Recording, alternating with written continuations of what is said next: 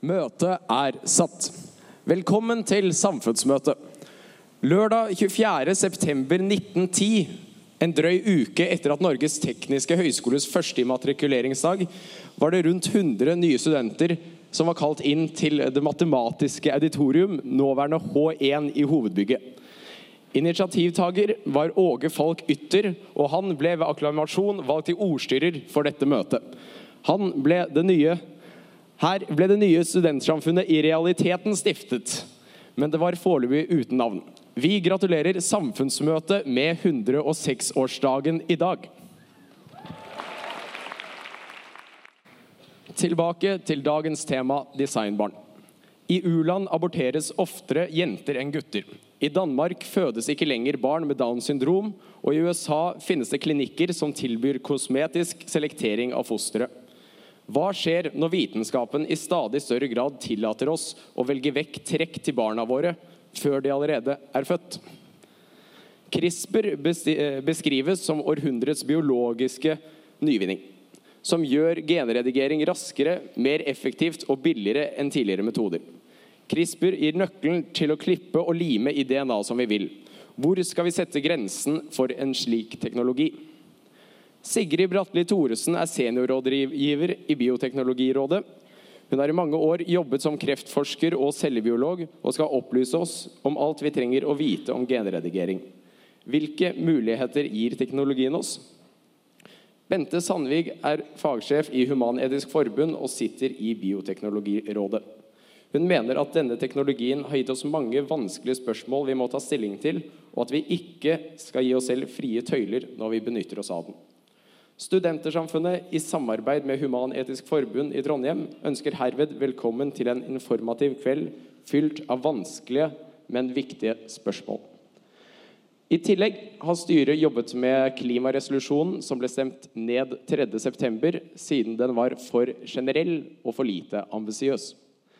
Det vil fremmes et nytt forslag i dag etter mange innspill fra medlemmene og med mange gode tilbakemeldinger.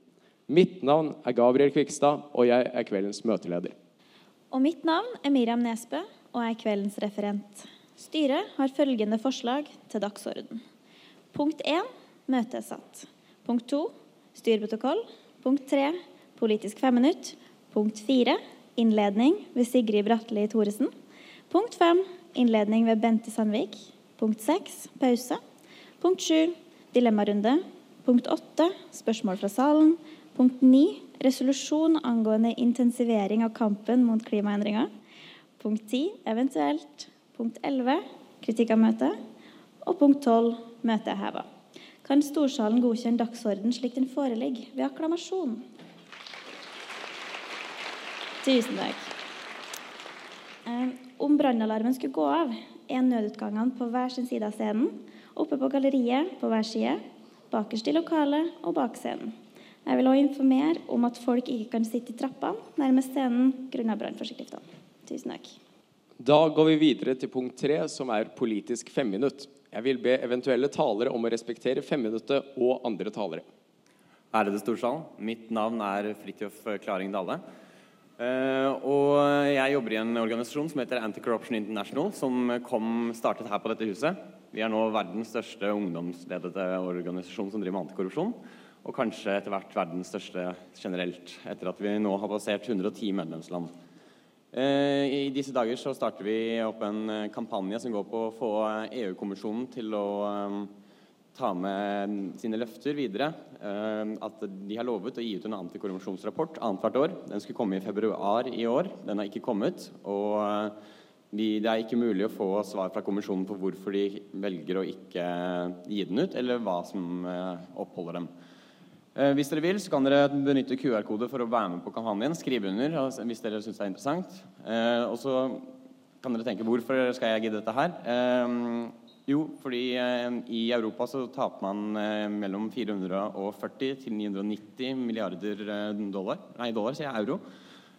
Og dette går jo da utover velferd i alle europeiske land, og det går utover gjør at vi kanskje har en større flyktningkrise, gjør at vi har større problemer sosialt enn vi ellers ville hatt.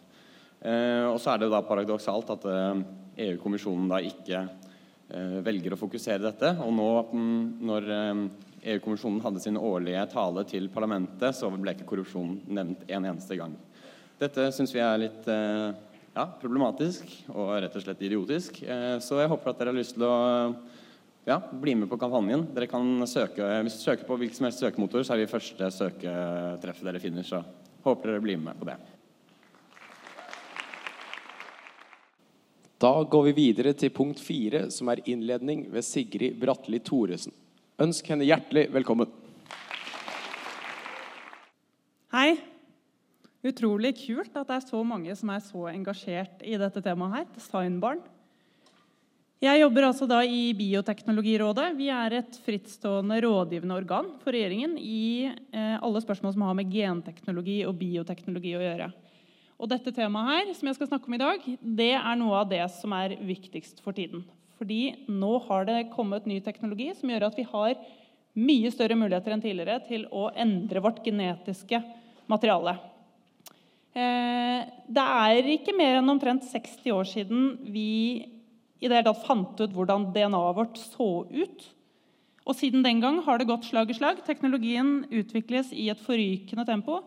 Vi kan gjøre ganske mye på laboratoriet med genene våre. Vi kan studere dem, og vi kan lage bl.a. genmodifiserte organismer. Men altså nå har vi fått ny teknologi som heter som går under samlebetegnelse som kalles genredigering. Eh, og Den mest kjente av de er CRISPR. Bare spørre sånn umiddelbart, Hvem er det som har hørt om dette utenom denne konteksten før? Kan jeg få en sånn håndsopprekning? Ja. Ganske mange. Det er bra. Da kjører vi på. Eh, er det noen som vet hvem dette er? Nei. Det er David Wetter. Han eh, ble kjendis på 70-tallet av ikke helt de riktige grunnene, kanskje. Han hadde en genetisk feil som gjorde at immunforsvaret hans ikke virket som det skulle. Så han levde da sine tolv år i en plastikkboble.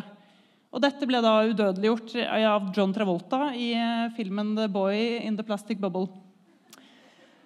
Men dette her det, Ja, det er jo morsomt, men samtidig så fremhever det jo noe veldig viktig at genene våre de styrer jo ikke bare hvordan kroppen vår virker normalt. Det styrer også om vi er friske. Og vi, det finnes ganske mange genetiske sykdommer som kan ha ganske alvorlige konsekvenser. Og dette her var jo egentlig starten på det vi kaller genterapi. For det har vi hatt en del tiår allerede. Denne her immunsviktsykdommen eh, var en, eh, noe forskere da prøvde å utvikle genterapi for å behandle. Og da var tanken at man tok et friskt gen, satte inn i cellene til disse pasientene for å da erstatte det som mangla for å gjøre immunforsvaret friskt. Eh, det virka ganske bra. De hadde en del forsøk på barn med immunsvikt. Men det som var litt uheldig, var at eh, de hadde ikke helt kontroll over metoden. Så, den, eh, så, det endte med at noen av de utviklet kreft. Og I tillegg så var det en genterapideltaker som døde av uheldige bivirkninger. Og det som skjedde da, var at det var egentlig ganske stor opprensing på feltet. Eh, men det fortsatte litt sånn jevnt og trutt. Og de siste tiårene har vi sett stadig flere genterapeutiske behandlinger for en del sykdommer, som eh, blindhet og eh, kreft osv. Men i de siste årene, spesielt da i 2012, da fant forskere ut en helt ny metode for hvordan man kan endre gener og behandle sykdom. Og det er genredigering. Og dette her er eh, forsidene på en del populærvitenskapelige tidsskrifter de siste par årene. Det er ganske sterke ord som brukes om denne teknologien. Editing Humanity Life Editor. Og det er dette vi skal snakke om i dag. I 2015 i fjor, så ble CRISPR-metoden utnevnt til årets vitenskapelige gjennombrudd av tidsskriftet Science, som er et av de aller største. Så det sier litt om eh, eh, hvordan stemningen er rundt denne teknologien. Så hva er egentlig nytt? Eh, I tradisjonell genterapi eller genmodifisering så tar man rett og slett et gen, eh, og så sender man det inn, og det setter seg litt sånn tilfeldig plassert et eller annet sted i arvestoffet vårt for å gi da en ny egenskap. Med genredigering så kan man da ta Man bruker et eh, molekylært system som egentlig kommer fra bakterier, til å lage et kutt i arvestoffet. Og gjennom da cellens egne reparasjonsprosesser så kan man da eh, bruke dette systemet til å ta vekk biter av DNA. Man kan bytte ut små byggesteiner i DNA, eller man kan sette inn nye gener. Man kan gjøre dette på en utrolig målrettet og etter hvert veldig presis måte. Så man kan egentlig i prinsippet gjøre det man vil med arvestoffet. Og det er helt nytt. Det som også er spesielt med CRISPR-teknologien, er at eh, den tas i bruk i ekstremt stort omfang. Det er titusener av eh, forskere som holder på med dette over hele verden. Eh, den grafen dere ser, den viser antallet vitenskapelige publikasjoner hvor CRISPR er brukt. Og Det var jo da i 2012 at forskerne oppdaget hvordan man kunne bruke det. Og det har da bare gått eh, rett i taket. Så langt i år så er det rundt 1500 publikasjoner allerede. I tillegg så er det en veldig billig teknologi. Man kan kjøpe de helt eh, basiskomponentene for noen titalls dollar på nett. Eh, og Nederst i hjørnet så ser dere bilde av studenter, eh, molekylærbiologistudenter som konkurrerer i eh, syntetisk biologi. Jeg tror NTNU også har et lag som stiller i år i iGEM-konkurransen. Det er mulig de også skal bruke CRISPR, det vet jeg ikke. Men det er i hvert fall en del av startpakka de får utlevert. Så det sier jo litt om hvor eh, enkelt det er å ta i bruk. Så det som er først og fremst spesielt med CRISPR, er at det virker i alle typer organismer man har prøvd.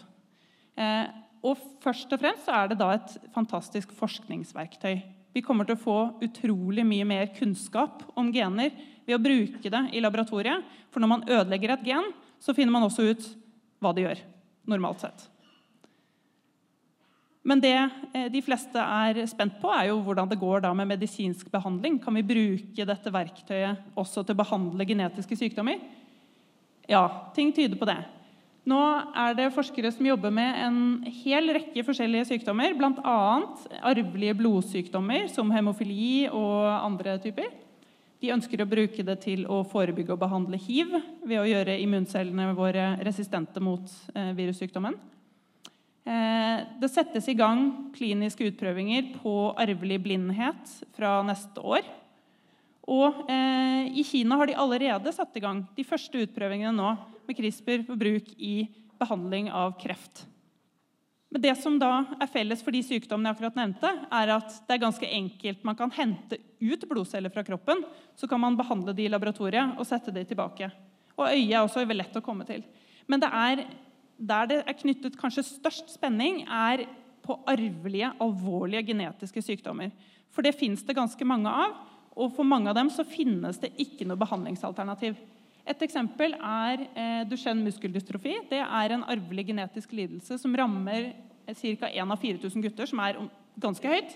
Og det er først og fremst gutter fordi mutasjonen, den genmutasjonen sitter på X-kromosomet. Og som dere kanskje husker fra biologien, så har gutter bare ett X-kromosom. Så hvis man har den mutasjonen, så blir man sjuk.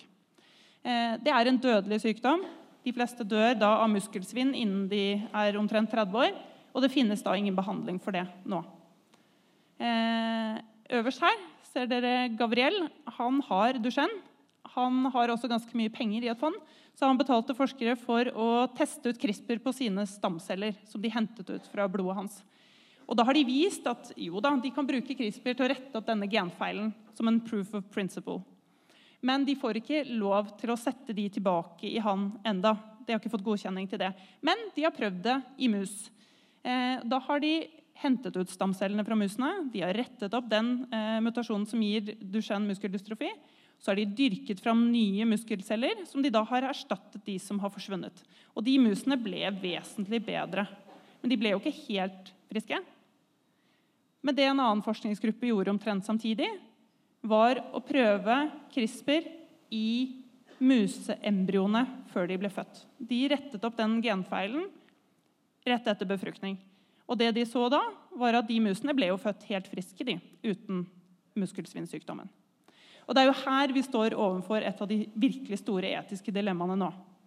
Fordi CRISPR gir oss for første gang muligheten til å endre gener i kjønnsceller og embryoer. Og det er endringer som kommer til å gå i arv til alle fremtidige generasjoner. For halvannet år siden, i april 2015, så eh, var det en forskningsgruppe i Kina som prøvde seg på dette her. De tok da eh, menneskeembryoer. De var ikke levedyktige, Men de ville prøve CRISPR-metoden på disse embryoene. Og de ville da rette opp en genfeil som gir en eh, blodsykdom som heter beta-thalassemi. Og det de så var at Omtrent halvparten av de embryoene hadde fått det riktige genet kutta. Av de så var det omtrent 14% som hadde fått erstattet det ødelagte genet med, et, med en frisk variant. Men det de også så, var at det var ulike eh, endringer i celler innad i samme embryo. Og de så også da at det var en del uønskede kutt. Så dette CRISPR-enzymet hadde da kuttet opp arvestoffet på steder de ikke hadde til hensikt å gjøre. Og det kan få potensielt ganske store konsekvenser.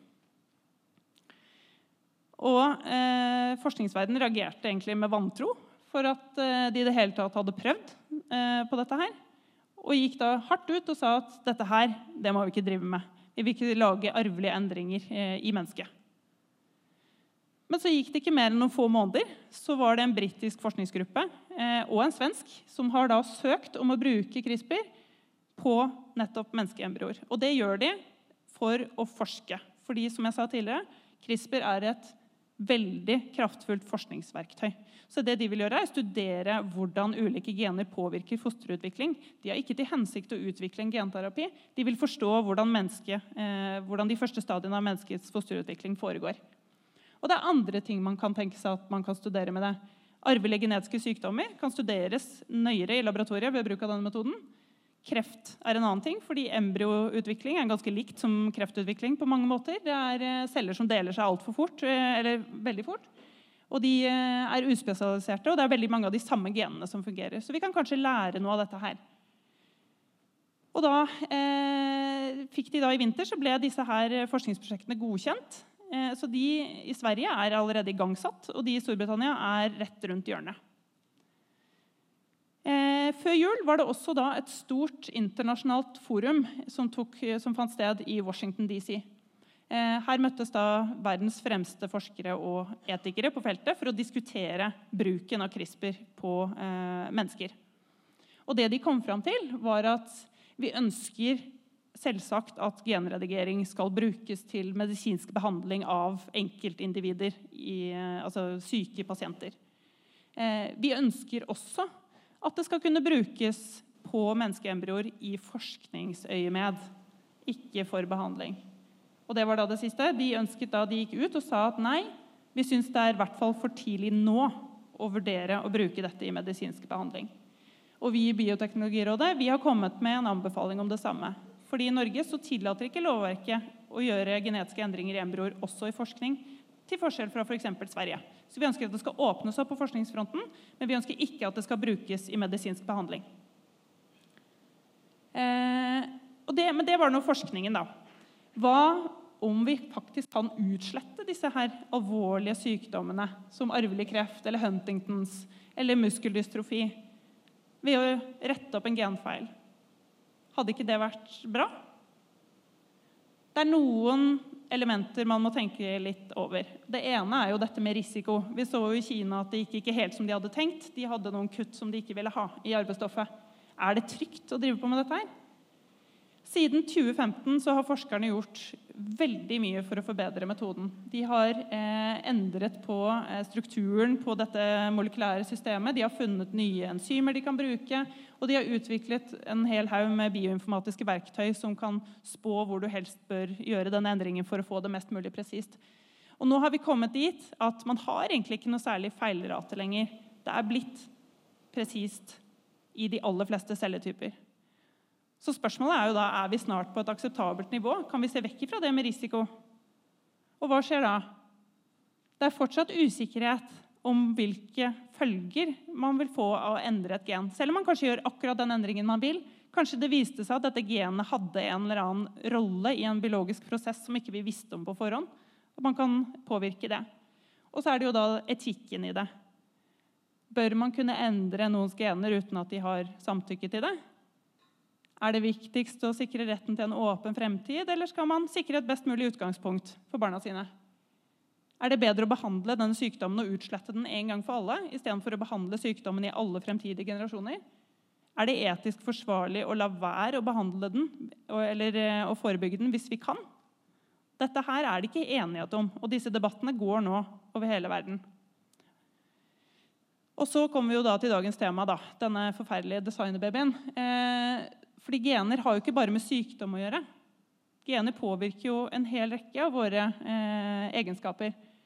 Hvis man kan endre litt på genene og få høyere intelligens kanskje, eller bedre muskelvekst eller sånne ting, skal vi gjøre det? Jeg har ikke tenkt å besvare det nå, for det tror jeg dere skal gjøre etter hvert. Så jeg lar det egentlig være med det. Og så sier jeg bare at denne teknologien, den kommer. Og vi er nødt til å ta denne debatten nå, fordi det er ikke bare politikerne som skal avgjøre hvordan vi skal bruke denne. Det er samfunnet som må ta stilling til dette sammen. Så jeg håper dere blir med på debatt i kveld. Takk.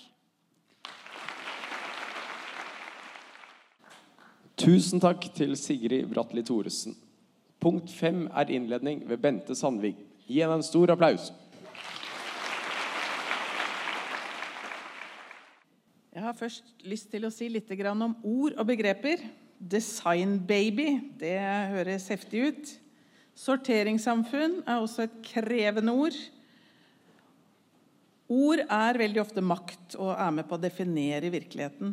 Så vi må være litt nøye med hvilke begreper vi bruker når vi snakker om disse tingene, for å kunne føre gode debatter. Designbaby. Dere så bildet til Sigrid her. Det var liksom bare å plukke egenskaper og så velge hva som har høyest verdi.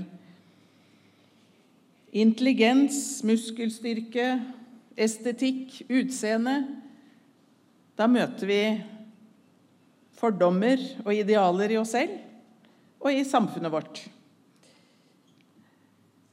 Men vi er nokså langt fra den virkeligheten foreløpig. Så jeg har lyst til å begynne et annet sted. Jeg har lyst til å begynne hvor dagens debatt, hva det er lov og hva som er mulig i Norge i dag i forhold til å stort sett velge bort. I Norge så bruker vi først og fremst muligheten til å kunne si noe om et ufødt barn, et foster, et embryo hvis det er tidlig, tidlig i utviklingen.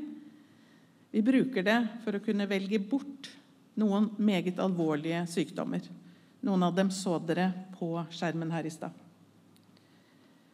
Og det stilles veldig strenge krav for å få hjelp til å gjøre det valget.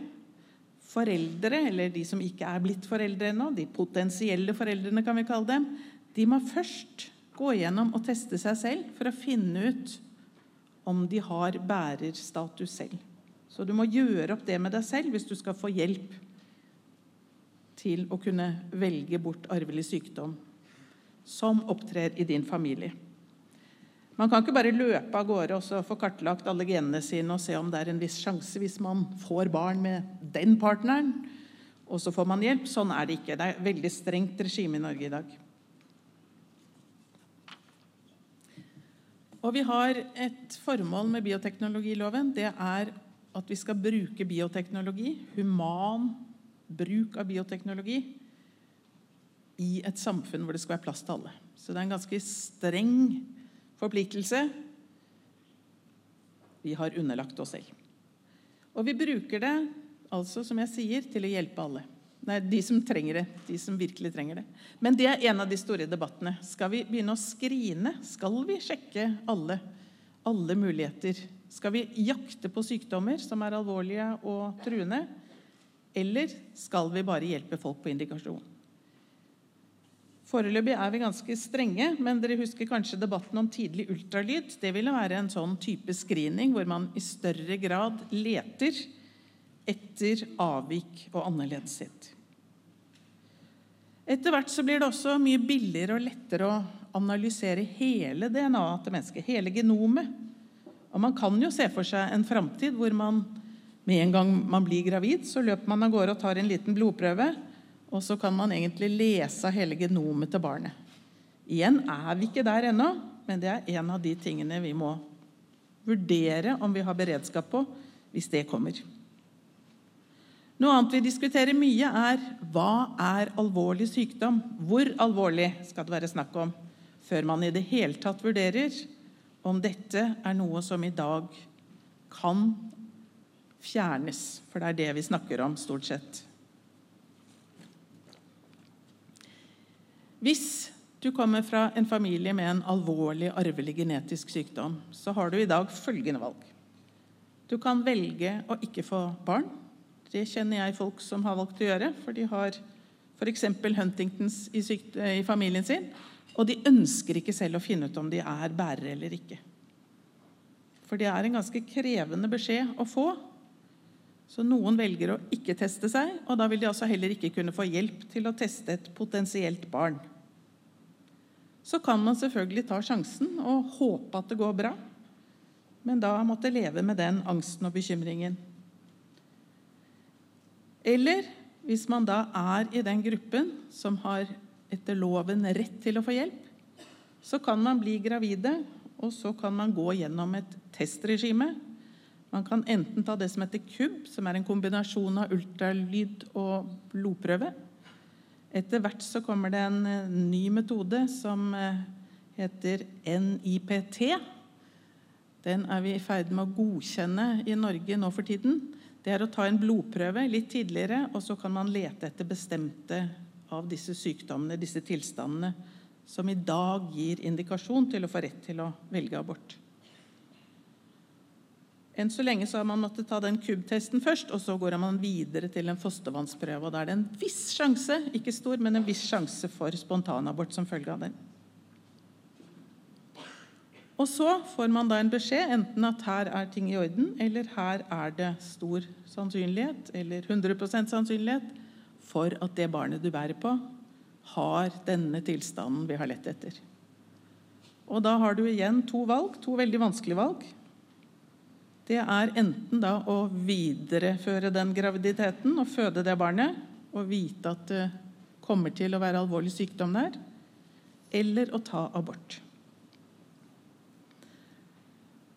Det er også en mulighet for å ta det som heter PGD. og Det er det veldig få som gjør i Norge, men det er en mulighet. Det er altså Før du blir gravid, så kan du få hjelp til å undersøke. Da får du altså anledning til å ta assistert befruktning i stedet for å gjennomføre naturmetoden. Da tar man altså ut egg, og man befrukter dem utenfor livmoren utenfor kvinnens kropp, og så ser man hvilke av disse embryoene som er friske, og setter de friske inn, og ikke de syke.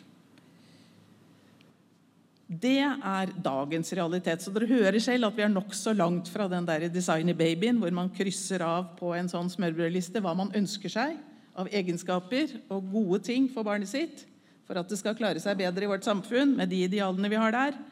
Men dette er altså dagens diskusjon i første omgang. Og så har jeg lyst til å bare ta noen tall. Igjen for å opplyse oss om hva det er snakk om når noen politikere særlig er veldig bekymret for sorteringssamfunnet. Da syns jeg alltid det er veldig nyttig å ha litt tall på tingene. I 2015 så ble det gjennomført 13 411 selvbestemte aborter. Altså helt uten noen eh, Det bare bestemmer man selv, ikke sant? Og av nemndbestemte aborter, som er da senere mer selektive aborter, f.eks. på bakgrunn av at man har funnet noe galt ved fosteret, da var det 258. Så dere hører at det er et ganske lite tall. Det er ganske få som får hjelp, og som tar imot tilbud om hjelp på dette. Og det jeg snakket om som heter PGD, der er det mellom 20 til 40 søknader per år. Så vi er nokså langt fra forestillingen om dette designerbarnet, hvor man plukker og velger. Men debatten, den skal vi ta. Og så kunne vi jo, som Sigrid satte opp der Hvis man kunne faktisk ved genredigering fjerne en del Vi kan ikke fjerne all sykdom og alle tilstander. Men hvis vi kunne fjerne en del av de virkelig alvorlige sykdommene en gang for alle ved å redigere borti genene. Hadde ikke det egentlig vært ganske fantastisk? Hvis metoden var trygg, risikoen var liten Hadde ikke det etisk vært bedre enn det regimet for å kalle det det, som jeg har fortalt dere om, hvor man altså må gå gjennom mye testing, og hvor valget er å ta bort et foster gjennomføre en abort. Her kunne man løse det, for å si det sånn, før man ble gravid. Alternativet i dag er nemlig Valget er å føde et barn med en alvorlig sykdom eller å ikke føde det, ikke bære det fram. Alternativet etter en sånn genredigering, hvis vi fikk det til, det var jo at det individet ble båret fram og ble født uten sykdommen. Det høres jo helt for fantastisk ut, gjør det ikke det? Eller blir dere veldig skremt? Det er muligens de valgene vi står overfor i en eller annen framtid, men på den veien, der er det mye risiko. Der er det mange etiske valg, og det er mye vi må ta stilling til. Det ene er det de landet på i denne store konferansen, at hittil har vi sagt bastant nei til å gjennomføre endringer som går i arv. Det oppfattes som ganske grenseoverskridende. Én ting er å gjøre noe med meg som er født, eller med noen kroppsceller som ikke skal forplantes videre. Men å faktisk gå inn i selve skal vi si, livets grunnmateriale. Egg og sæd, embryoer, det som skal bli nye mennesker. Og tukle med naturen, som noen vil si. Tukle med skaperverket. Eller gripe inn i evolusjonen for de av oss som ikke har en oppfatning om et skaperverk. Jeg må si at jeg er eh, bevrende spent med tanken på hva vi kan få til. Og jeg syns også det er et etisk valg å ikke prøve å lindre lidelse og avverge sykdom. Men jeg er veldig usikker likevel. Og så er det selvfølgelig et spørsmål hvor mye ressurser skal vi bruke på dette i forhold til på andre ting. Hvor mye risiko er vi villige til å akseptere? Og hvilke uante konsekvenser kan følge med på kjøpet? Vi vet jo at gener spiller sammen. Det er kanskje ikke så lett å bare klippe ut ett gen uten at det genet vil ha betydning for andre funksjoner og andre ting i livet. Så jeg er i hvert fall selv der at jeg driver og vakler. Jeg syns at det med å ha en moralsk plikt til å hjelpe til å avverge lidelse og sykdom er enormt viktig. Og her ser det ut som vi har mulighet i hvert fall til å forske på noe som vil gjøre livet bedre for veldig mange. Og det er jo sånn at vi allerede tukler og griper inn ganske mye. Vi bruker medisiner, vi vaksinerer, vi opererer. Og som jeg har prøvd å fortelle dere, så er altså alternativet i dag det er å velge at liv ikke blir født fordi de er bærere av alvorlig sykdom. Sigrid sa at Bioteknologirådet er positive til å tillate grunnforskning ved hjelp av CRISPR også på menneskelige embryoer. Det er en grense for noen, det vet jeg. Noen mener at livet blir til idet sæd og eggcelle smelter sammen. Jeg ser mer nøktern på det, og dette er snakk om overskuddsegg. Det er egg som er blitt til ved at vi bruker assistert befruktning, men som da ikke blir brukt til det formålet. Og det er veldig strengt regulert. Man får lov å forske i 14 dager på det. Man får lov i dag, men man får ikke lov å bruke CRISPR enn så lenge. Men det håper vi at det blir anledning til, og at det vil gi oss ny kunnskap. Både om hvorfor noen ikke blir gravide, selv om alt ligger til rette for det. Generell kunnskap om gener, generell kunnskap om sykdom. Og så tror jeg jo at på sikt, når vi har tatt dette første skrittet og tillater grunnforskning, så tror og håper jeg jo på én måte, men altså litt sånn eh, engstelig samtidig, at det skal føre til at vi må om noen år ta diskusjonen om hva vi skal bruke det til, også klinisk og i virkeligheten. Så jeg tror jeg lander der med et lite glimt inn i krystallkulen. Og noen av de etiske problemene og utfordringene som også Sigrid nevnte så vidt, det er det derre skal potensielle foreldre ha lov til å bestemme over sitt potensielle barns gener? Er det fair? Vanligvis så krever vi samtykke. til all medisinsk behandling, men kan dette være greit? Hvis formålet faktisk er å unngå lidelse og alvorlig sykdom? Og er det egentlig prinsipiell forskjell på genredigering og andre former for og muligheter vi har til å forbedre barns utviklingsmuligheter? Det det kan føre til, er selvfølgelig et mye strengere normalitetsbegrep. Hva er normen? Hva er innafor? Hva er idealmennesket i vårt samfunn? Det er også en egen debatt. Men enn så lenge så er jeg altså ganske optimistisk. Og jeg tror at dette er veien videre for å i hvert fall skaffe oss en masse kunnskap som vi trenger for å unngå sykdom og lidelse framover. Takk. Kjør debatt.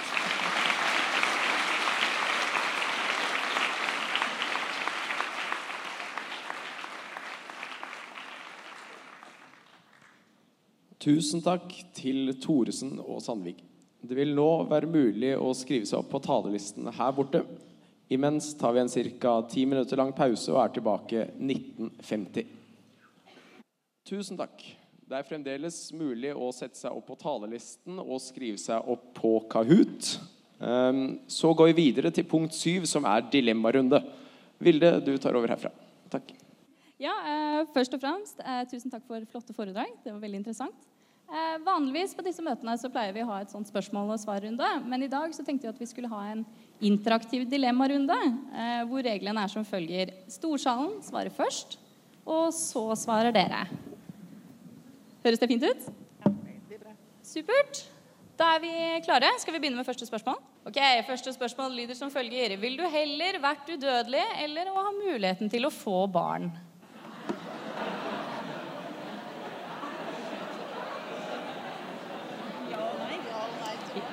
Ja, nei. Ja. Ja, men da er eh, ja er eh, udødelig, og muligheten til å få barn er nei.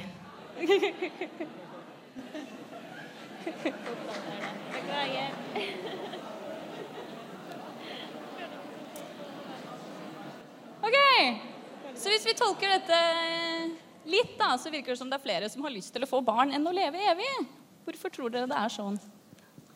Ja, altså Dette handler jo litt om eh, Hvis man blir udødelig, er det da plass til noen flere etterpå? Så Det handler jo om å rett og slett ofre seg selv for, eh, for de som kommer etter. Og jeg ser jo her at det er flere som er ganske ja, se- uselviske i denne sammenheng. Men det er jo fremdeles 114 som har sagt at de heller vil være udødelige. Så Det er 114 her som ikke vil ha barn, ja. Ja, du kan si Dette er jo tradisjonen nå. da. Det er liksom, vi har ikke det valget så ofte. Men eh, jeg, jeg syns det er et veldig interessant dilemma. Hva skal vi velge? Hva er kvaliteter ved livet? Er det meg? Mitt evige liv? Er det jeg som aldri skal bli syk og aldri dø? Eller er det på en måte menneskehetens overlevelse som er det viktige? ja. Da prøver vi neste spørsmål. Nå blir det ja-nei, da. Hvis du kunne brukt genredigering på å gjøre barnet ditt smartere, ville dere gjort det?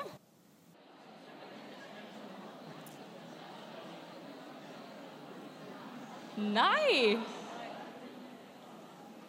Det syns jeg er litt sjokkerende. Det er, eh, det er ikke så Det er ikke flertall for å gjøre barnet sitt smartere. Nei, altså Dette her er jo også da dette med sykdomsbehandling mot å forbedre barnet sitt. Eh, og det er jo en grense som mange er litt ukomfortable med. Eh, skal vi overstyre vår egen evolusjon? Men jeg syns jo fremdeles det er ganske mange på ja. da. Så det er jo eh, Jeg tror i en eh, litt eldre generasjon at det ville vært ganske annerledes, det resultatet der. Mm.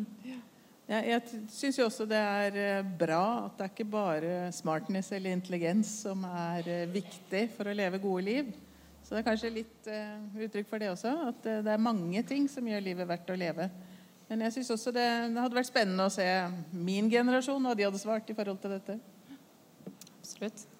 Da prøver vi oss på neste spørsmål. Vil det være bra for samfunnet at vi utviklet en ny rase med supermennesker?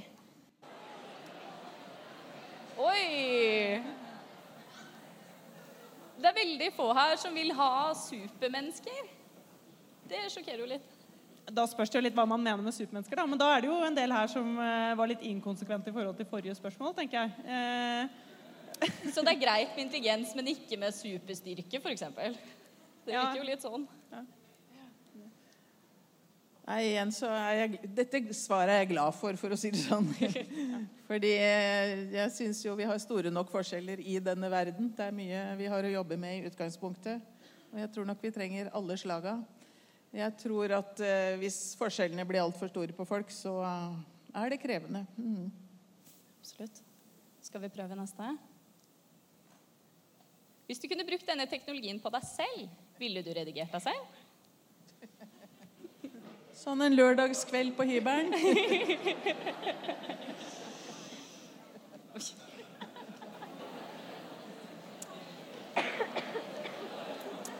Nå er, vi, nå er vi tilbake på noe som minner litt mer om 50-50. Ja, eh, igjen, jeg er litt sånn eh, Jeg er jo veldig veldig nysgjerrig på hva folk da ikke ville eller ville redigert. Hvis det er snakk om sykdomsbehandling og du muligens ikke har noe annet valg, så regner jeg med flere vil kanskje ville svart ja. Men eh, ja, jeg vet ikke. Hvis det handler om eh, egenskaper, så, så er vi jo tilbake igjen på den med intelligens, da. Så ja. Ja, intelligens eller andre ting. Hva som er, som jeg snakket om, det der med idealet. Hva slags mennesker eh, ønsker vi å være? Hva er det som er viktig i dette samfunnet her? Jeg kan godt forstå det hvis det gjelder sykdom, men nettopp skulle vi bruke denne teknologien også til å forbedre det vi er misfornøyd med hos oss selv, eller skal vi lære oss å leve med det? er jo også et spørsmål. Absolutt. Eh, før vi går videre til neste spørsmål, vi tok det med eh, fordi det var mye av det du touchet på i stad, med sorteringssamfunnet. Så når vi går til neste spørsmål Hvis du fant ut at barnet ditt ville bli født med Downs syndrom, ville dere tatt abort? Oi. Fordi her ser vi noe. Vi ser at man er ikke villig til å redigere, men man er villig til å eliminere. Hvor tror dere grunnen til dette er? Ja, nå kan jeg si, det er noe med hvor vi er i dag, hva som er mulig i dag. Eh, Vi vet ikke om det er mulig å redigere. Og Downs syndrom er uansett ikke noe vi kunne redigere bort med den teknologien vi snakker om her. Det kan du forklare mer om, altså selve det tekniske, hvordan Downs oppstår i forhold til eh, det med å finne ett gen og klippe det bort. Men det, det er klart dette er noe av det som er mest touchy i den norske debatten. Og eh, det er dans. Det er liksom det som alltid blir eh, testcase og eksempelet. Og så er det kanskje forskjell på hva et samfunn skal tillate og syns og mene, og hva våre individuelle valg er i forhold til våre egne livssituasjoner. Men jeg, jeg syns dette er et kjempevanskelig spørsmål. Det må jeg bare si. Ja, eh, bare kommentere litt fort. Som du sa, Bente, så er jo ikke Downs noe man kan ta bort med CRISPR, fordi Downs er jo et helt kromosom som har kommet feil. Eh, men samtidig så er det jo dette her, nå har vi jo for første gangen valget å eh, eliminere framfor å selektere. Og det er jo mange som har meninger om det. Det er jo noen som mener at det å helbrede sykdom er mer i tråd med etikken enn det å velge vekk. Så, så ja, det er interessant egentlig å se. Det, Absolutt. Eh, Da tenker jeg vi går til siste spørsmål. Er CRISPR, som vi har hørt om i dag, bra for samfunnet? Ja eller nei? Så vi ser jo at selv om vi kanskje ikke ville brukt det, så er det bra. Ja, altså CRISPR er jo ikke bare snakk om å bruke på arvelige genetiske endringer. Her er det enorme muligheter. Og jeg tror det er ganske mange teknologioptimister, kanskje spesielt her på NTNU. Eh, så jeg er ikke egentlig så veldig overrasket over det svaret. må jeg si. Absolutt ikke. Nei, jeg deler den. Nettopp fordi, som Sigrid viste, vi bruker det jo på mye, altså på fødte mennesker også, for å helbrede, forbedre en del tilstander. Og så er det dette etisk vanskelige foreløpig med skal vi anvende også å lage endringer som går i arv ved å bruke denne teknologien også på kjønnsceller. Og da er vi jo i en sånn mellomfase nå hvor vi i hvert fall forsøksvis sier ja til grunnforskning for å finne ut mer, lære mer.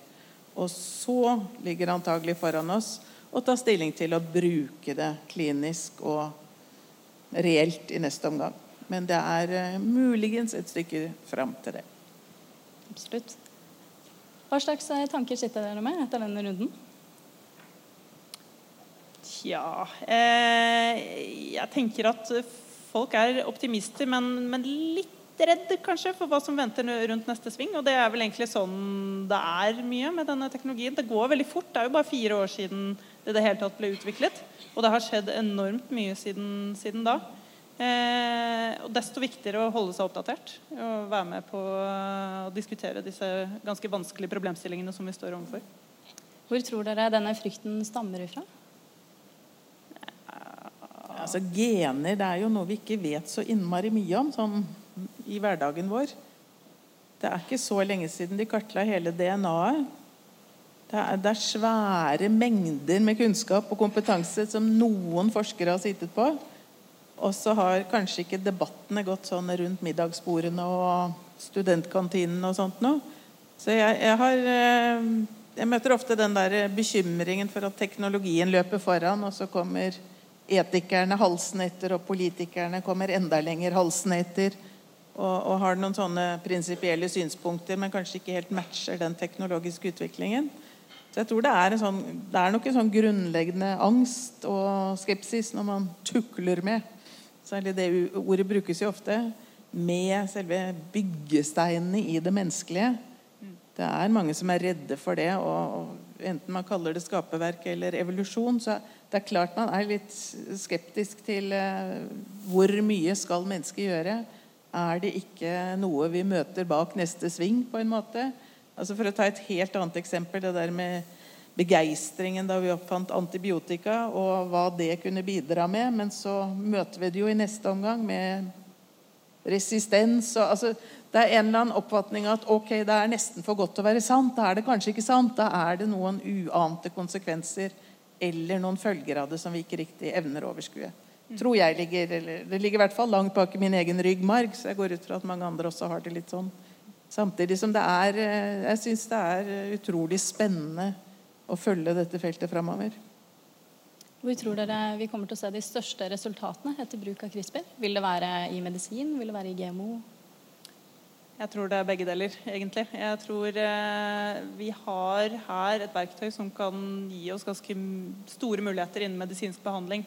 Både for eh, si, vanlige sykdommer, men også genetiske sykdommer. Men også da innen eh, matproduksjon, f.eks. Eh, det å kunne endre på eh, egenskaper hos dyr og planter. Eh, det tror jeg vil få veldig stor eh, effekt eh, framover. Ja, jeg slutter meg egentlig bare til det. Jeg er helt enig. Jeg tror det er over et vidt spekter av områder. Og hvis det kan bidra til å avskaffe alvorlig sykdom, bidra til å hindre at folk får, eller at de har større sjanse til å bli friske, det på det medisinske området, og bidra med tryggere og bedre matproduksjon til en verden som trenger mat, så kan jo veldig få ting være bedre enn det. Absolutt. Eh, tusen takk. Eh, da tenker jeg at vi går videre til eh, spørsmål fra salen. Eh, da kan eh, Mathias Mohus stille sitt første spørsmål. Og så kan Marie Gula gjøre seg klar. Ærede Storsal, jeg heter Mathias, og jeg er medlem.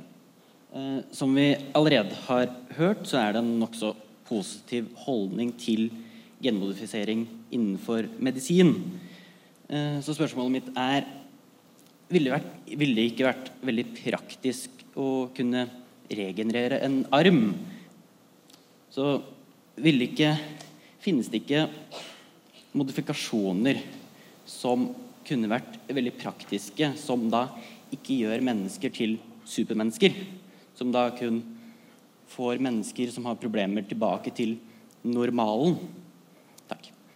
Ja, takk for det spørsmålet. Jo, du har helt rett. Dette er jo også et annet felt som, eh, som utforskes. Og det er jo da typisk å, å bruke de molekylære verktøyene vi har, og da deriblant CRISPR, til å regenerere vev.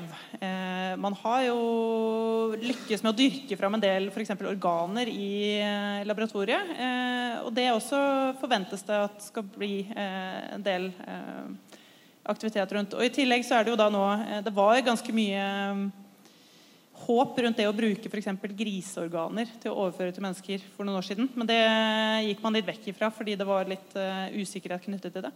Men nå driver forskere og jobber da med å endre på dyrefoster, uh, så de kan dyrke fram menneskeorganer i dyr. Det foregår også nå med CRISPR-metoden. Så det, det, er helt sant. Eh, det jobbes mye med å da forbedre, eller, ja, gjøre friske de menneskene som allerede er syke. Mm. Uh, ja, da kan eh, Marie Gula stille sitt spørsmål, og Silje Borgan kan gjøre seg klar. Minner om at det er fortsatt mulighet for å skrive seg på talerlisten. Jeg heter Marie. Jeg studerer bioteknologi. Uh, det er litt artig at du nevner det med organer. For i dag, hvis man har organsvikt i Norge, kan man enten eventuelt dø i organkø, eller man kan bestille et organ på altså det svarte markedet som mange vet eh, hva er, the dark web. Det er fullt mulig i dag. Eh, og det alternativet her gir ingen trygghet og ingen regulering. Og vi vet alle at veldig syke mennesker er villige til å gjøre veldig mye for å bli friske. Eh, så jeg vil bare stille spørsmålet er det så lurt å stille seg så engstelig, og vil vi fortsatt være så Eh, konservativ. Altså Norge er veldig konservativ til det her i forhold til veldig mange andre land. Og det kan hende at den diskusjonen her i andre land som blir holdt, det vet vi veldig godt, ikke, at de ikke kommer fram til det samme. Uh, og det kan vi ende opp med å angre på. Uh, ja, For det kan hende at nordmenn etter hvert er nødt til å velge det svarte markedet når staten ikke satser på det her, som kan gi trygge alternativer for oss.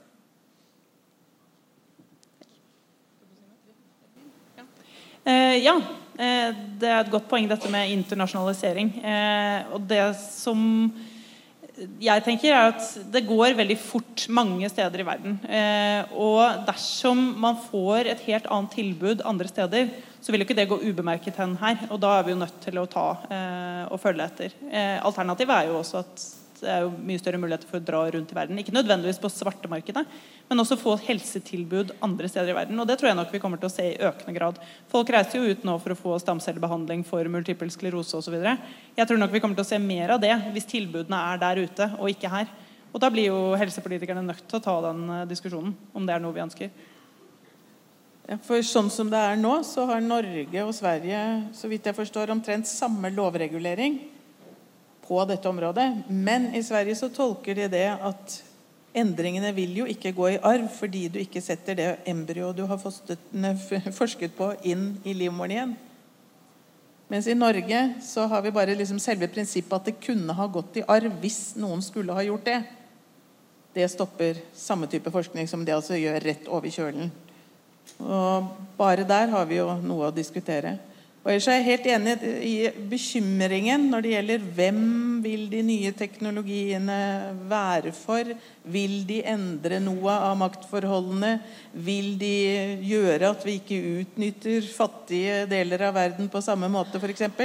Altså, Hva fins i dag av muligheter og tilbud? Det var derfor jeg også la vekt på hva er alternativet i dag hvis du har alvorlig sykdom i familien din. Vi må alltid ha med alle disse tingene også i diskusjonene når vi tar valg om hva vi bruker den forskningen og kunnskapen vi kommer fram til. Uh, ja, kan uh, Silje Borgan stille sitt spørsmål, og Peter Uran kan gjøre seg klar. Ja, hei. Jeg heter Silje Borgan. Jeg er 26 år. 27. 27 år. Jeg ble nettopp 27, så det er litt vanskelig å huske på. Jeg, jeg elver litt mer på det etiske. Um, det er fint at vi kan få til eh, både organdyrking, og at alle får de organene de skal ha for å fungere. Og jeg skjønner det individuelle eh, som er inni det her, at alle må ta sitt valg. Men jeg tenker litt det at mennesket lager samfunnet. Og sånn som vi har prata nå, så høres det ut som samfunnet lager menneskene. Det syns jeg høres litt skummelt ut. Eh, spørsmålet mitt er rett og slett det etiske oppi det her. Fordi jeg har sjøl en sykdom som, er, som heter CP. Jeg vil gjerne ikke bli sortert bort fordi at jeg har den sykdommen jeg har. Jeg har en god livskvalitet. Uh, ja. Så det er mer det Jeg vet ikke. Det er mer det etiske rundt det. Ja.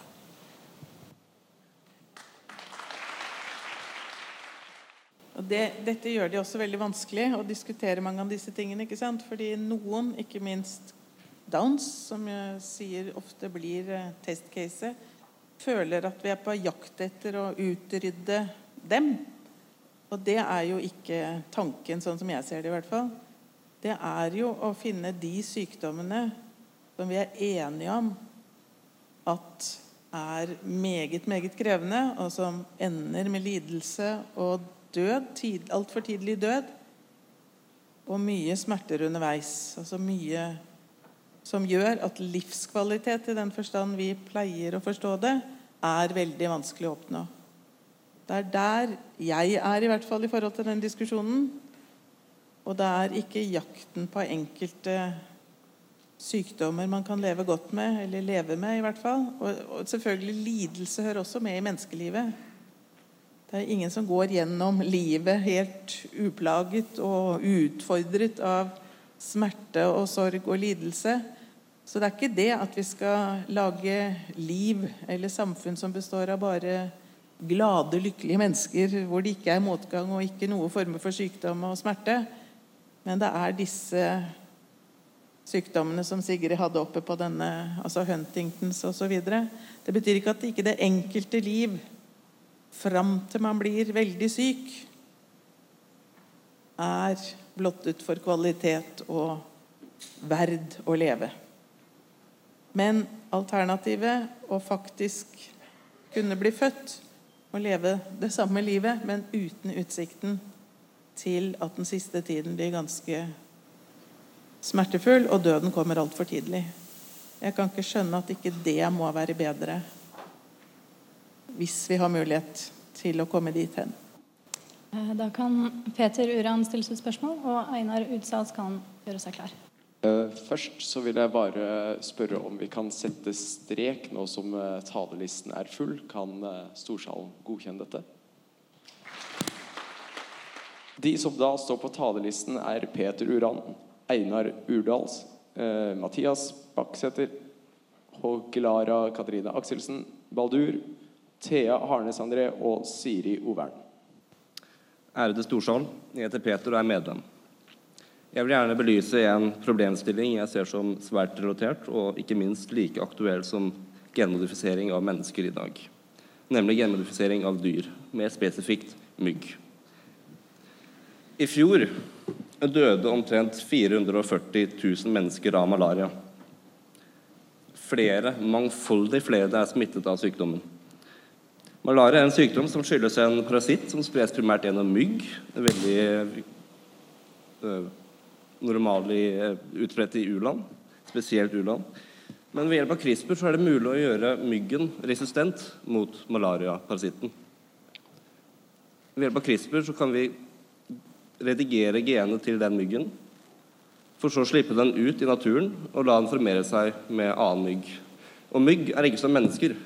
Mygg legger hundrevis av egg. I løpet av noen få generasjoner så vil vi ha en stor befolkning av mygg som er resistente mot parasitten. Og i løpet av kort tid så vil vi også kunne ha utryddet malaria. Denne teknologien eksisterer i dag. Myggen er klar, den sitter på laboratoriet. Med hensyn på mørketallene, hvordan kan vi forsvare å ikke ta i bruk teknologien? Ja, takk for at du stilte det. Det er jo noe jeg ikke snakka om i stad. Men den teknologien du snakker om nå, det er eh, kanskje den delen av CRISPR-feltet som forskerne selv er ganske bekymret for. Eh, dette kalles gendrivere. Eh, og i utgangspunktet så har du helt rett. De har laget mygg som er resistente mot malaria på laben.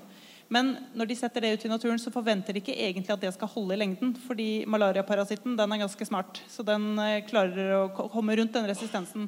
Men det de har gjort, er at de har laget mygg som, eh, hvor de bare får hanner.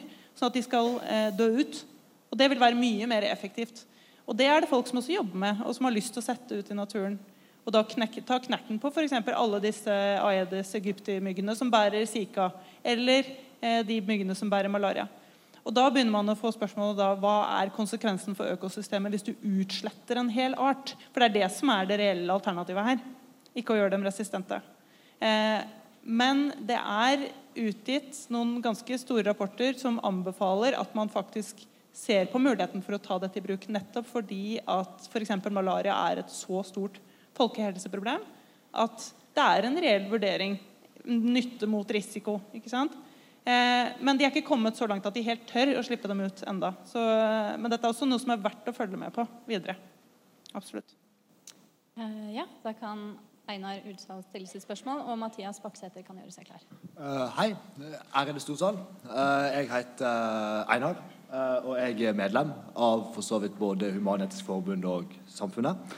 Um, jeg må ærlig innrømme at jeg ser ikke problemet med å ta i bruk eh, genetisk modifisering av mennesker. Uh, altså, jeg sjøl har pollenallergi, noe som egentlig er ganske trivielt, og som jeg med medisinerer vekk.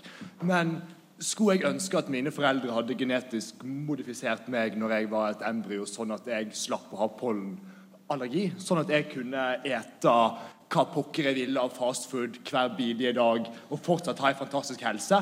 Uh, ja, selvsagt skulle jeg ønske at mine foreldre hadde gjort det.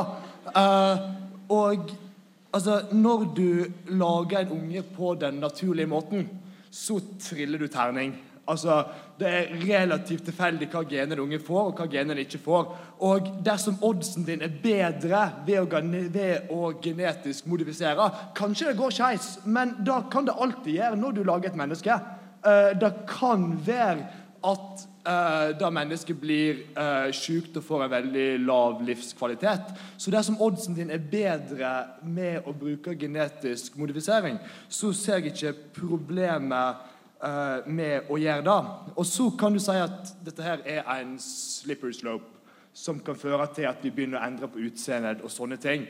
Um, selvsagt, vi bør prioritere å kurere sykdom og sånn, men jeg ser ikke problemet med at en endrer på estetikken og det vil bare medføre at alle mennesker du møter i samfunnet, vil ha veldig symmetriske ansikt, uh, ha høye skinnbein, uh, fine, eh, rette, hvite tenner. Hadde du et spørsmål? Uh, ja, jeg, jeg, jeg, bare, jeg, bare, lurer på hva er problemet. For hvis, altså, hva er Altså, ja, hva, hva er problemet med genmodifisering? Uh,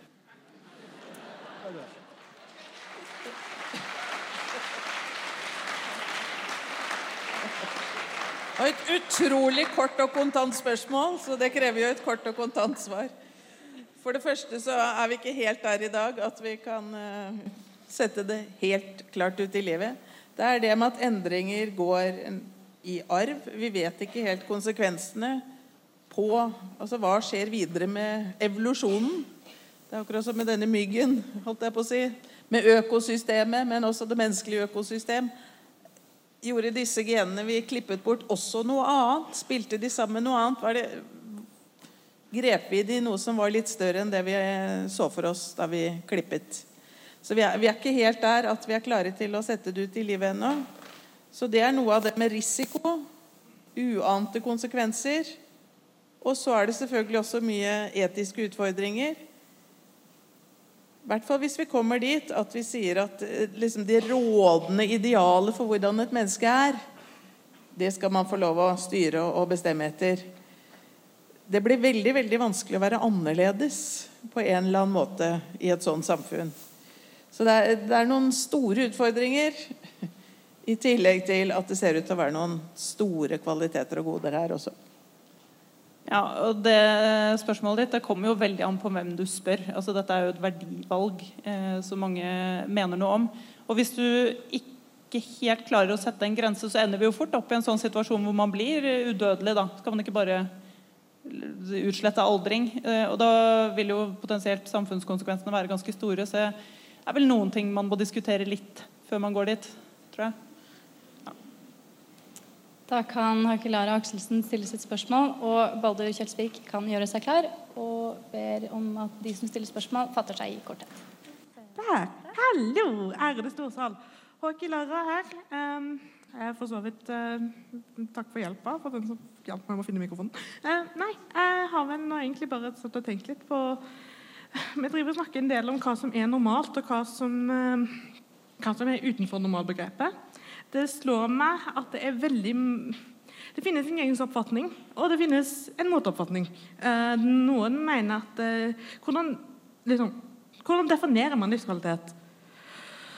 Akkurat det spørsmålet satt jeg og stilt, tenkte på. og Derfor tenkte jeg å spørre om hva, hvilke, hvilke, Hvem er det som kommer først? Er det lovendringene innen denne her, teknologien som gjør at vi kan endre på genmodifisering og videreutvikle forskninger der? Eller kommer um, altså Hvilke ringvirkninger kommer det til å få for sånn type eh, diskrimineringslover, anti... Um, og barnelover, alle typer menneskerettighetslover. Det er jo et felt som har veldig mange krysninger fram og tilbake. Og jeg er veldig nysgjerrig på å få svare på det spørsmålet. Tusen takk. Ja, Det er jo nettopp sånne ting som man må tenke seg litt om eh, også når man eh, skal bestemme hvordan denne teknologien skal reguleres. Eh, og jeg tror egentlig at politikerne ikke helt har skjønt uh, hva som er i ferd med å skje. Så det, jeg foreslår at du stiller det spørsmålet til politikerne òg, ja, etter hvert. Uh, ja. Da kan Baldur Kjelsvik stiller sitt spørsmål, og Mathias Baksæter kan gjøre seg klar. Ærede storsal. Mitt navn er Baldur Kjelsvik. Uh, jeg er også medlem. det har blitt stilt noen spørsmål, så jeg får ta noen andre. det var eh, morsomt å se at halvparten av salen syns at eh, økt kunnskap, eller at man kunne gjøre noen smartere, det var greit. Eh, men at supermennesker, det var ikke greit. Eller at eh, folk var litt uenige der, da. Og da lurer jeg litt på Handler mye om diskusjonen at, Eller er det så vanskelig å finne ut, og, og er det så mye uenighet mye fordi at ordleggingen ikke er presis nok? Har vi ikke nok kunnskap? Er det, er det rett og slett hvordan vi legger fram dilemmaene, problemstillingene, som gjør at vi, vi sliter med å, å, ha en fornuftig samtale, fornuftig debatt. Så har jeg et spørsmål til, og, og det handler om supermennesker. Eh, burde debatten og I et ekstreme tilfelle så snakker man jo om kunstig intelligens som kan ta over menneskeheten. Burde man ha samme type debatt om supermennesker i eh, biologisk forstand som i kunstig intelligensforstand? Hvis dere skjønte det. Takk. for. Eh, ja, jeg kan jo begynne med det siste først. Eh, jeg tror nok kunstig intelligens er jo mye mer realistisk enn supermennesker. Altså, det handler jo om at kvalitative egenskaper hos mennesker det er ikke sånn at det finnes ett gen for intelligens og ett gen for eh, ja, muskelstyrke osv. Det er kjempekomplekst. og Jeg tror vi er veldig veldig langt unna å kunne skreddersy et menneske med genetiske egenskaper. Eh, kunstig intelligens derimot, det, det ser vi jo begynne å, begynne å, få ganske stor betydning eh, allerede. Eh, også det med ordbruk. Du har helt rett. Altså her, disse debattene, Det er veldig viktig å, å tenke seg om hvordan eh, ting omtales. Det å manipulere et gen eller tukle osv. Det vil ha ganske mye å si hvordan folk forholder seg til dette. her. Hvis man derimot kaller det da endre og behandle, altså det, det vil ha veldig stor innvirkning på hvordan folk oppfatter det som skjer. Og Det er også viktig å ta med seg i debatten. Ja, og supermennesker, eller hva vi bruker eh, kunnskap til, hvis det var mulig. Det er ikke så enkelt som Sigrid nettopp sier. Det er ikke liksom ett gen for dette, og så kan vi ordne opp i dette. Det handler også om hva slags samfunn vi skal være. Altså forskjeller, ulikheter osv. Jeg var på et veldig spennende foredrag med en eh, amerikansk professor som heter Benjamin Craig, som prøver å se på bruk av bioteknologi ut fra et menneskerettighetsperspektiv eller et politisk perspektiv, et samfunnsperspektiv. Og Han sier at det hadde vært suverent hvis vi kunne bruke de nye teknologiene til å hjelpe de skal vi kalle dem underprivilegerte, altså de som eh, ikke har evner på, lignende, eller på normalnivå eller ferdigheter, holdt jeg på eller altså muskelstyrke eller eh, alt mulig rart. Altså de som er under normalen. Hvis vi hjalp dem opp, så vil vi kanskje få et bedre samfunn. Men samtidig så forrykker vi jo noe. Veldig mye utvikling skjer jo ved at noen som er avvikere kanskje i forhold til en eller annen norm, de får en sabla god idé, og så forfølger de den, og så skjer det innovasjon og utvikling. Men at vi skulle rent fram dyrke fram noen som skulle gjøre det, i stedet for at det skjer mer naturlig og i et samspill med oss andre, og at utvikling heller skjer ganske likelig fordelt, det er krevende, syns jeg. Det er veldig vanskelig å se for seg. Mens hans poeng var nettopp det der at hvis vi brukte det til å løfte de underprivilegerte opp, så kunne vi bruke det på en god og konstruktiv måte. Men så vet vi jo at veldig mye ny teknologi og sånne ting, det er det de rike, ikke minst den rike delen av verden, som får fattig først. Og så gjør vi egentlig ikke så mye med forskjellene, verken mellom folk innad i et samfunn eller i den store globale sammenhengen. Yes, Jeg lar bare det henge som en sånn kommentar til dette. Veldig fint. Eh, da kan Mathias Baksæter eh, stille sitt spørsmål. Ærede storsal. Mitt navn er Mathias Baksæter, og jeg er medlem. CRISPR bringer med seg mange nye muligheter til å programmere biologisk og genetisk materiale, bl.a. i bakterier og virus. Hva tenker dere om å dyrke fram bakterier og eller virus som kan produsere egenskaper eller materialer som kan være til hjelp for menneskeenheten? Takk. Ja, det du snakker om nå, Da kommer vi inn på det med syntetisk biologi. Eh, og Det jobbes det jo veldig mye med. Eh, det å kunne bruke f.eks. mikroorganismer til å produsere materialer eller biodrivstoff osv. Det, det er ikke utopisk. Det, det, foregår eh, nå. Og CRISPR er jo da et fantastisk verktøy også til dette. Kan man sette inn hele nye genetiske kretsløp som, eh, for å gi dem nye egenskaper. Og Mesteparten av dette foregår jo bak veggene på en lab. Så sånn sett så er det ikke de store utfordringene for miljøet osv. Så, videre. så det er, ikke, det er egentlig ikke så veldig kontroversielt. Det er ganske store håp rundt det feltet. Eh, da kan sistemann stille sitt spørsmål, og det er Thea André. Hei. Ærede storsal. Jeg heter Thea, og jeg er medlem. Eh, det strides blant de lærde om psykiske lidelser er eh, et resultat av gener eller miljø eller begge deler. Så jeg lurer på om vi går med på det premisset at gener har noe å si for psykiske lidelser. Eh, hvilke muligheter det fins nå, og hvordan dette diskuteres i dette fagmiljøet. Eh, og hva dere tenker om de etiske implikasjonene rundt dette. Takk. Bare begynn, du kan. Eh, ja, det, altså det, er eh, mange som også lukter på det å bruke CRISPR til å studere psykiske sykdommer. Og da understreker jeg det med å studere først og fremst. For man vet egentlig ikke så veldig mye om sammenhengen mellom gener og psykiske lidelser.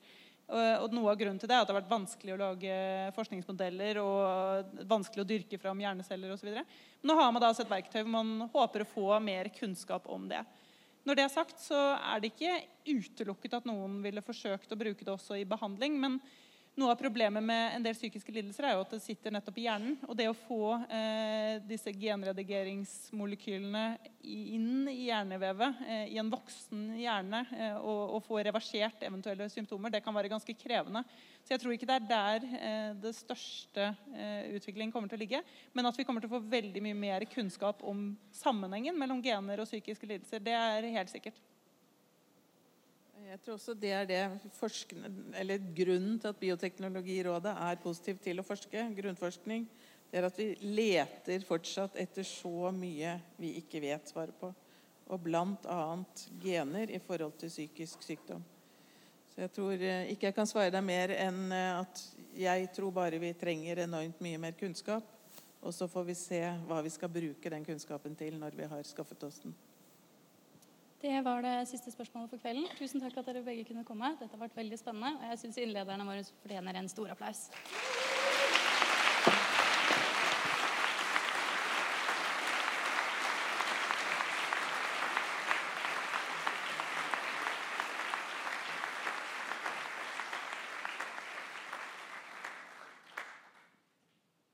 Da har vi kommet til punkt ni på agendaen, som er resolusjonsforslag.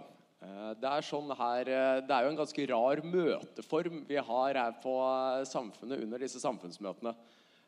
Dette henger sammen med at det har vært sånn i 106 år, og også at vi kan fremme meningsbærende resolusjoner som vil si at Storsalen og Studentsamfunnet i Trondheim mener forskjellige ting. Det skal vi se om vi får til i dag. Så da kan eh, Torjus eh, presentere styrets eh, resolusjonsforslag. Takk.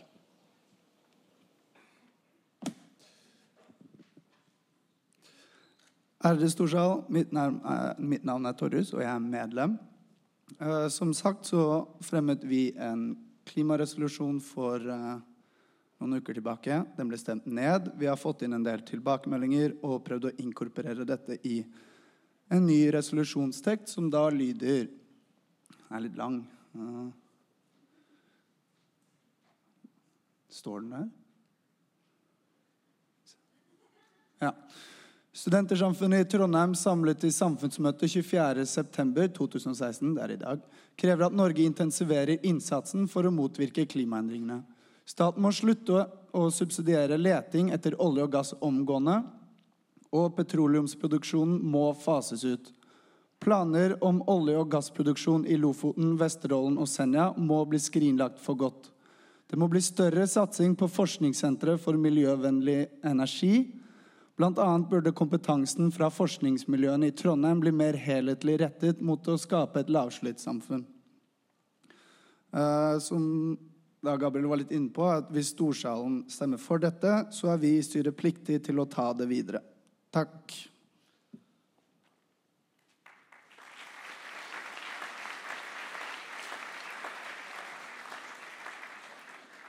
Er det, er det noen som har spørsmål eller kommentarer til eh, lovforslaget? Talerstolen er åpen.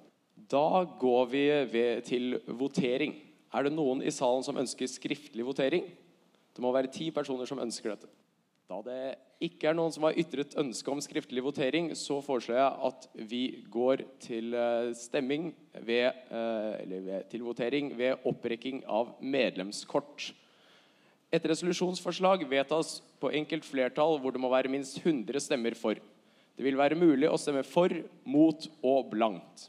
Hvis folk da får frem det røde medlemskortet, så starter vi votering. Da kan alle som stemmer for, rekke medlemskortet i været. Da kan eh, folk ta ned kortet sitt, så kan alle de som vil stemme mot forslaget, rekke medlemskortet i været. Da kan man senke kortene sine. Da kan alle som velger å stemme blankt, rekke medlemskortet i været. Da kan man senke medlemskortet. Eh, Med 19 blanke stemmer, 8 stemmer mot og 216 stemmer for er resolusjonsforslaget vedtatt. Da går vi videre til punkt 10, som er eventuelt. Er det her noen ytringer? Da går vi videre til punkt 11, som er kritikk av møtet. Er det her noen ytringer? Hei, Eide Storsal. Mitt navn er Solveig Nordbø. Jeg skal være veldig kort. Jeg ville bare si at det var utrolig kult med Kahoot. Tusen takk for et veldig kult tema. Og eh, jeg vet at jeg vil rose samfunnet for å ha fått inn to kvinnelige innledere.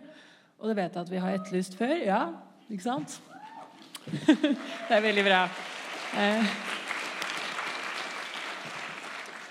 og det, det er også ikke bare Det faller jo ikke bare på dere, for vi har etterlyst det før, altså vi i Storsalen. Og, og det har også blitt sagt at eh, vi har slitt med å få kvinner til å stille.